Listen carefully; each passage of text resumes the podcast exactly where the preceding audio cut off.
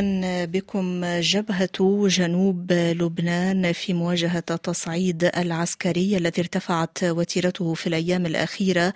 أخيرها كان الاستهداف الإسرائيلي لعمق أكثر من 40 كيلومترا في جنوب لبنان. هل جبهة جنوب لبنان ذاهبة إلى مزيد من التصعيد مع هذه التطورات المتزامنة مع جمود في الأيام الأخيرة الماضية؟ بعد حراك سياسي دولي تجاه بيروت نشط في الأسبوع الماضي وتزامن مع رفض حزب الله الإجابة على المبادرة الفرنسية قبل وقف الحرب في غزة في حين أن المفاوضات السياسية فيما يتعلق بهذا الملف تمر بمرحلة معقدة. أرحب في استديوهات مونتي كارلو الدولية بالكاتب والصحفي حسين زلغوط داوود أهلا وسهلا بك. أهلا بك. وأيضا أرحب بالدكتور خطر أبو دياب المستشار السياسي لإذاعة مونتي كارلو الدولية. أهلا وسهلا. أهلا أهلا.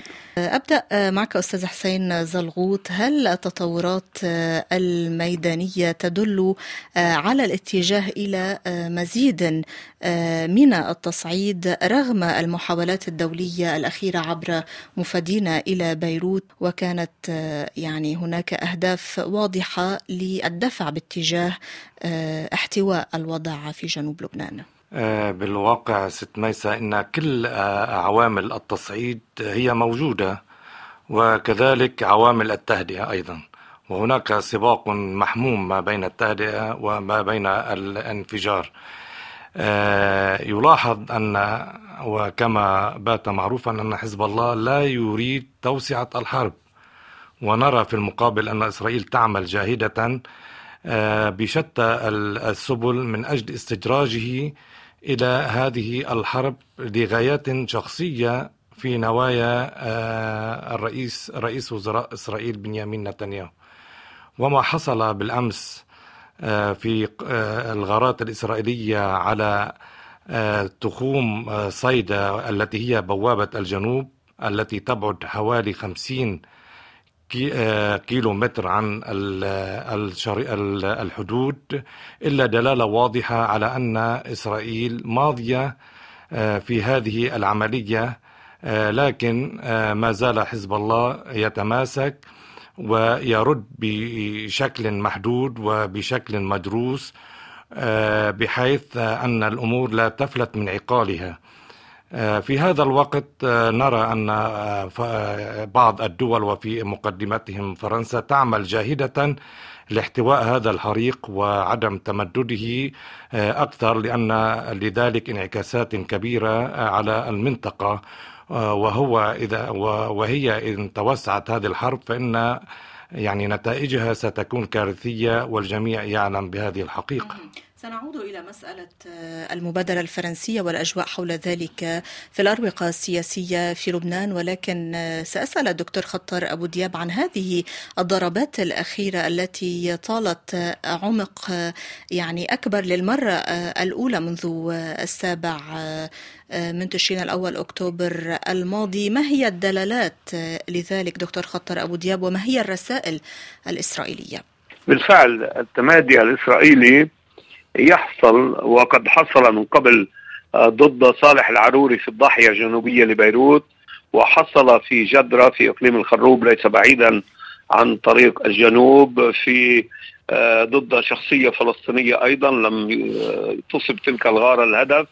وبالأمس وصلت وصل الاستهداف إلى الغازية قرب مدينة صيدا وهذا نعم تحدي كبير أول مرة في عمق لكن التبرير الإسرائيلي كان أن هناك مسيرة سقطت فوق الطبرية هناك نوع نعم من جهد إسرائيلي متكرر من أجل العمل على هذا التوسيع من أجل إنهاء القتال. بمعنى أو بآخر مقابل ربط حزب الله جبهة جنوب لبنان كإسناد للحرب أو لما يجري في غزة لإسناد للفلسطينيين في غزة. الجانب الإسرائيلي من خلال المفاوضات مع المبعوثين الدوليين يصر على تطبيق ما يسمى القرار 1901 علما أن هذا القرار سقط مع كل الذي جرى منذ السابع من أكتوبر الماضي حتى اليوم. الأهم الآن أن هناك تقنين إلى متى يستمر هذا التقنين في الرد هذا أمر برأيي غير محسوم الأسابيع المقبلة تحمل في طياتها مخاطر كبيرة إذا استمر هذا التصعيد. نعم أستاذ حسين زلغوط اليوم كيف يمكن وصف وصف الأجواء السياسية في لبنان فيما يتعلق بتهدئة الوضع إذا ما تحدثنا خاصة عن الأجواء الرد المتعلقة بالمبادرة الفرنسية تحديدا التي أرسلت منذ حوالي الأسبوع. بداية يعني أريد التوضيح حول ما قاله الدكتور أبو دياب من أن القرار 1701 قد سقط إنه لم يسقط حتى هذه اللحظة ما زال لبنان متمسك به. إنما أصيب بنوع من الارتجاجات يمكن القول لكن ما زال مفعوله قائما. ولذلك نرى أن حزب الله وكما لبنان يصر على تنفيذ القرار 407 1701 بكل حذافيره. إنما يربط لبنان هذا البحث في مندرجات هذا القرار لناحية يعني الالتزام به بعد أن تحط الحرب في غزة اوزارها. أما لناحية المبادرة المشكورة التي قامت بها فرنسا من أجل تهدئة الأمور فلا أعتقد أنها أخذت أو سلكت طريقها الإيجابي. آه نعم وزير خارجية فرنسا حمل هذه آه هذه المبادرة المؤلفة من ورقتين ومن عدة بنود آه لكن التعامل اللبناني أو التعاطي اللبناني لم يكن على المستوى المطلوب بحيث أن هناك من اعتبرها ورقة تشبه إلى حد بعيد. التفاهم الذي حصل بين حزب الله وإسرائيل في العام 1996 وما هو وما يعرف بتفاهم نيسان. آه لبنان لديه يقول أن لديه القرار 1701 الذي حصل في العام 2006 فلماذا نعود إلى العام 1996 آه ولذلك آه فإن بعض يعني المعلومات تقول أن فرنسا بعثت بإشارات تؤكد استعدادها على إسقاط بعض التعديلات على الورقة غير أن لبنان لم يرد. في حين أن حزب الله وإن لم يرد بشكل مباشر فإنه رفض هذه المبادرة لأنه يعتبر أي بحث في موضوع الحدود أو أي بحث في الوضع في الجنوب بمعزل عن وقف إطلاق النار في غزة هو نعم. هو مرفوض لديه جملة وتفصيلا نعم. وقد قالها السيد حسن نصر الله بوضوح في خطابه ما قبل الأخير دكتور خطار أبو دياب اليوم كيف يمكن وصف الحراك الدبلوماسي والسياسي الدولي تجاه بيروت؟ لاحظنا أنه تباطأ في الأيام الأخيرة بعد أن نشط في الأسابيع الماضية.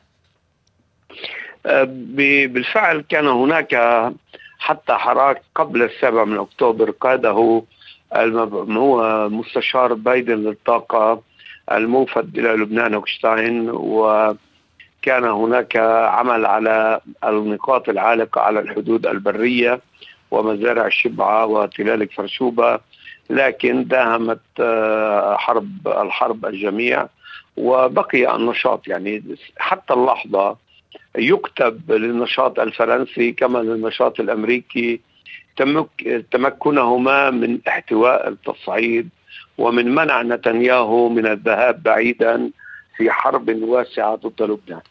لكن ما طرحته فرنسا أخيرا أتى كخلاصة أو كحل وسط من أجل آه يعني آه منع الأمور من الخروج عن السيطرة وحتى مسألة كانت كان يطرح من قبل الجانب الأمريكي انسحاب إلى الشمال الليطاني ما طرح هو أقل من ذلك بكثير حول إلغاء مظاهر مسلحة في منطقة معينة وحول العمل لوقف القتال في اللحظة المناسبة. وكان يعنى بذلك التهدئة في غزة أي أن هناك تبرير لحزب الله إذا حصلت التهدئة في غزة وإطلاق سراح الرهائن. هذا ستكون فرصة من أجل بدء العمل على التهدئة النهائية في لبنان. الحسابات تبقى إذا متباعدة لكن في النهاية المسألة هي قرار سياسي. هناك قرار سياسي من حزب الله بعدم توسيع الحرب والاستمرار في استنزاف إسرائيل وإنهاكها وهناك قرار من إسرائيل بعدم السماح بذلك. ومن هنا آه، كما قلت الأسابيع المقبلة إذا لم يتم الوصول إلى مخرج ستحمل في طياتها مخاطر كبيرة. نعم تحديدا حول هذه المسألة آه، المخرج السياسي، ما هي المعلومات آه، المتداولة في بيروت عن ذلك وهل من حراك يحدث الآن في هذا الصدد؟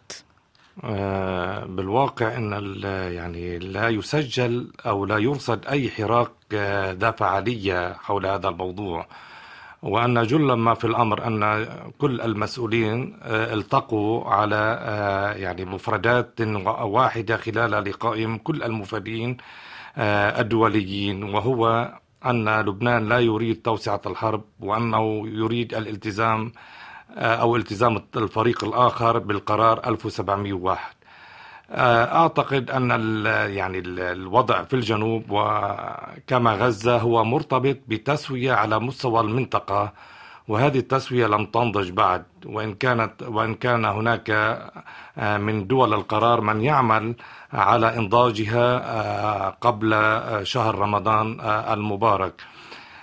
لكن حتى هذه اللحظة الأفق ما زال مسدودا ولا معطيات تؤكد بانفراجات قريبة على هذا المستوى. شكرا جزيلا لك الصحفي والكاتب حسين زلغوت واهلا وسهلا بك في استديوهات مونتي كارلو الدولية. وأيضا أشكر دكتور خطار أبو دياب المستشار السياسي لإذاعة مونتي كارلو الدولية. شكرا.